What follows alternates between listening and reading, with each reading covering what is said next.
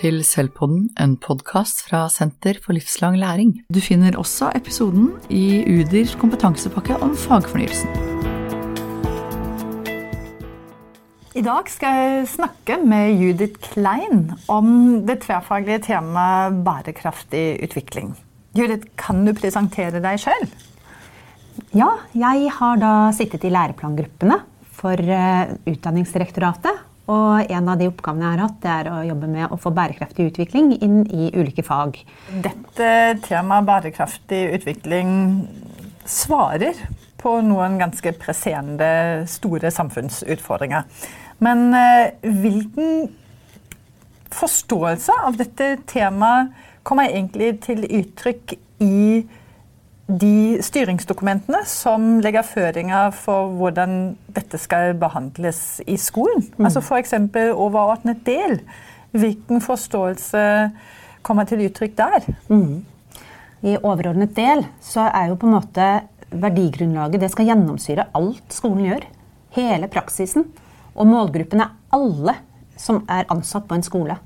Ikke sant? Og i, sånn jeg leser overordna del, så er bærekraftig utvikling det er integrert i hele, i hele overordna del. Spesielt har det et eget kapittel eh, 253, der det beskrives helt entydig. Og da er det helt eh, lik definisjon. Altså I overordna del er det den samme definisjonen som man brukte i Brundtland. Brundtland-kommisjonen sa at vi er nødt til å ta vare på livet på jorda. Og vi, eh, bruke, altså vi skal sørge for at alle har behovene sine dekt uten å ødelegge for fremtidige generasjoner. Og det er akkurat den definisjonen som brukes i overordna del. Eh, og bærekraftig utvikling har et eget kapittel. Eh, da, da, forklares på en måte at bærekraftig utvikling det er ikke lenger bare miljø og klima. Det er tre dimensjoner. For det første er det den samfunnsmessige dimensjonen, som omhandler levekårene våre. Hva, hva skal vi spise? Hva skal vi leve av? Ikke sant? Den andre handler om klima og miljø, den globale oppvarmingen. Og den tredje handler om økonomi. Og overordna del er helt eksplisitt og helt i tråd med FN om at disse tre dimensjonene er nødt til å ses i sammenheng. Mm. Dette kan veldig fort virke stor og overveldende. Gir egentlig overordnet del noen konkrete føringer hvordan jobbe med dette i skolen? Ja, overordnet del sier jo at eh, de tverrfaglige temaene skal eh, integreres i fag, og fagene skal ses i sammenheng. Og ikke bare overordna del, men det som også understrekes, er at mens man tidligere hadde generell del eller overordnet del som en himmel over, så skal jo nå både kjerneelementer, kompetansemål, overordnet del ses i sammenheng. Ikke sant? Eh, og da eh, integreres det jo på en helt annen måte i skolehverdagen.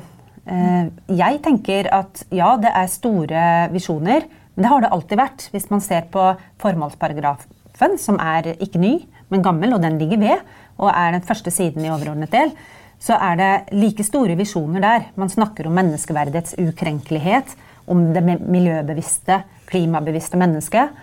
Eh, ikke sant? Om solidaritet og nestekjærlighet. Det er og forblir kjempestore, eh, vanskelige temaer. Det som blir nytt nå, det er at overordna del skal integreres i resten av læreplanverket og konkretiseres eh, og operasjonaliseres. Og slik jeg ser det, og leser planene, så er jo de tverrfaglige temaene en måte å operasjonalisere overordnet del på. Mm. Mm. Vi får jo en læreplan som er basert på en kompetanseforståelse. Eh, og definisjonen til kompetanse er jo at det er kunnskaper og ferdigheter som skal bidra til å løse utfordringer i kjente og ukjente kontekster. Hvilke kompetanser er spesielt relevant for, eller i forbindelse med det tverrfaglige temaet bærekraftig utvikling, tenker du? Ja, jeg tenker at eh, akkurat her så har jeg ikke lyst til å skille mellom bærekraftig utvikling, livsmestring og demokrati og medborgerskap. Jeg tenker at De samme kompetansene er gjeldende for alle de tre tverrfaglige temaene. Og Det som går igjen, er jo selvfølgelig kritisk tenkning.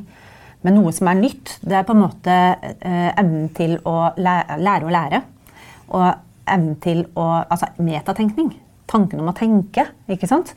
Det er nye ting. Men i tillegg, det aller viktigste for bærekraftig utvikling, og som vi ser eh, verden strever med nå, det er jo samarbeid.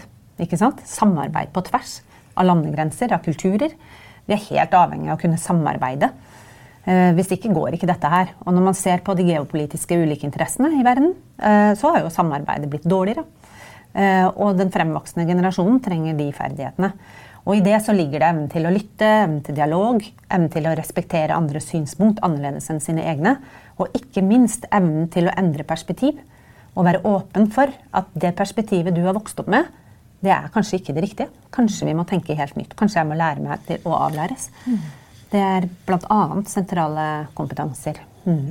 Men hvis man tenker kunnskapsområder på et litt høyere nivå, så tenker jeg at miljø og utvikling der må vi både ha samfunnsvitenskapelige og naturvitenskapelige og alle perspektiver inn, og alle fag må bidra.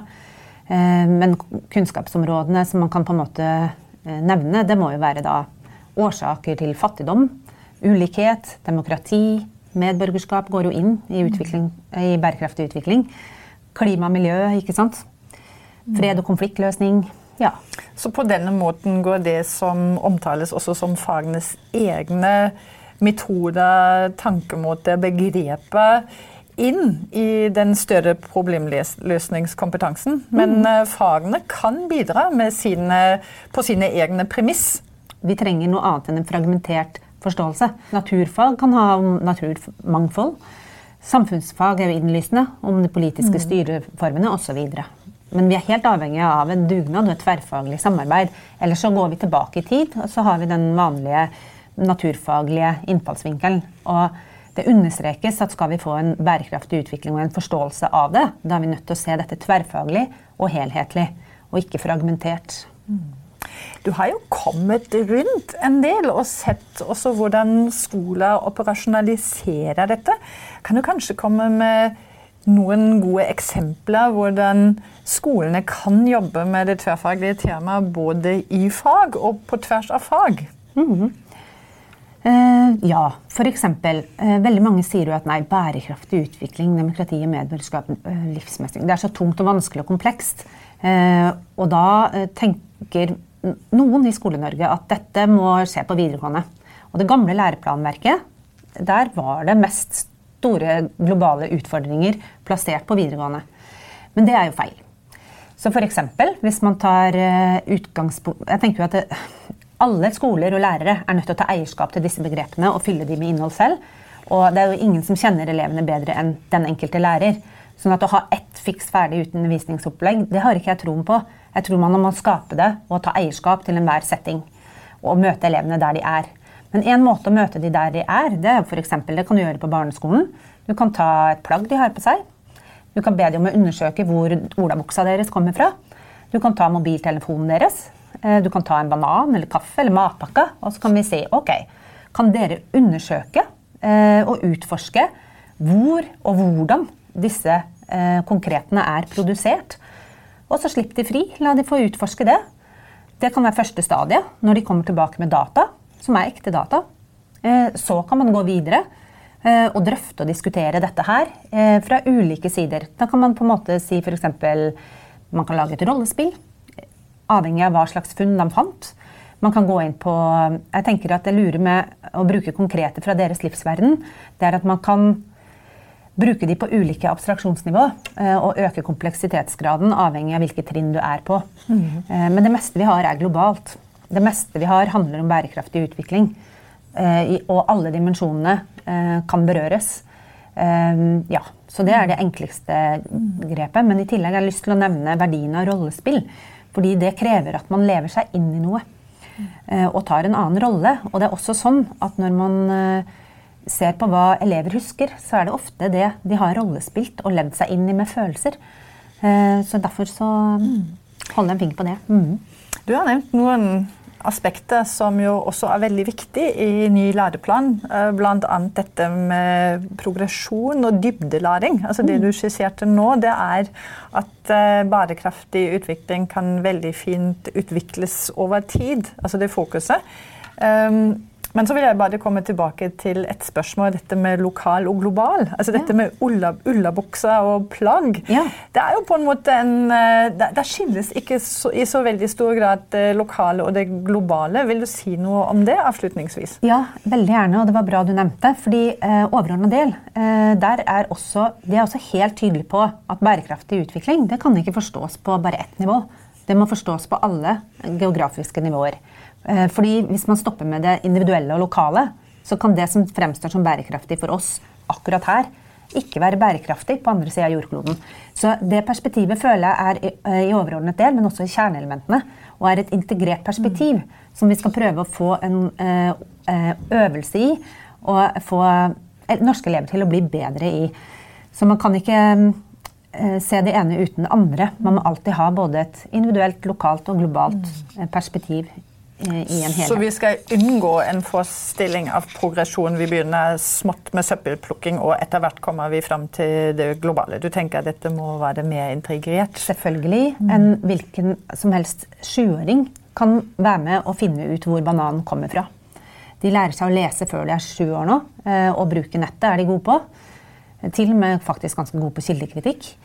Eh, hvem som helst kan finne ut hvor Levis-buksa si er sydd, og bananen sin kommer fra, og matpakka. Og det, dette kan vi utforske sammen.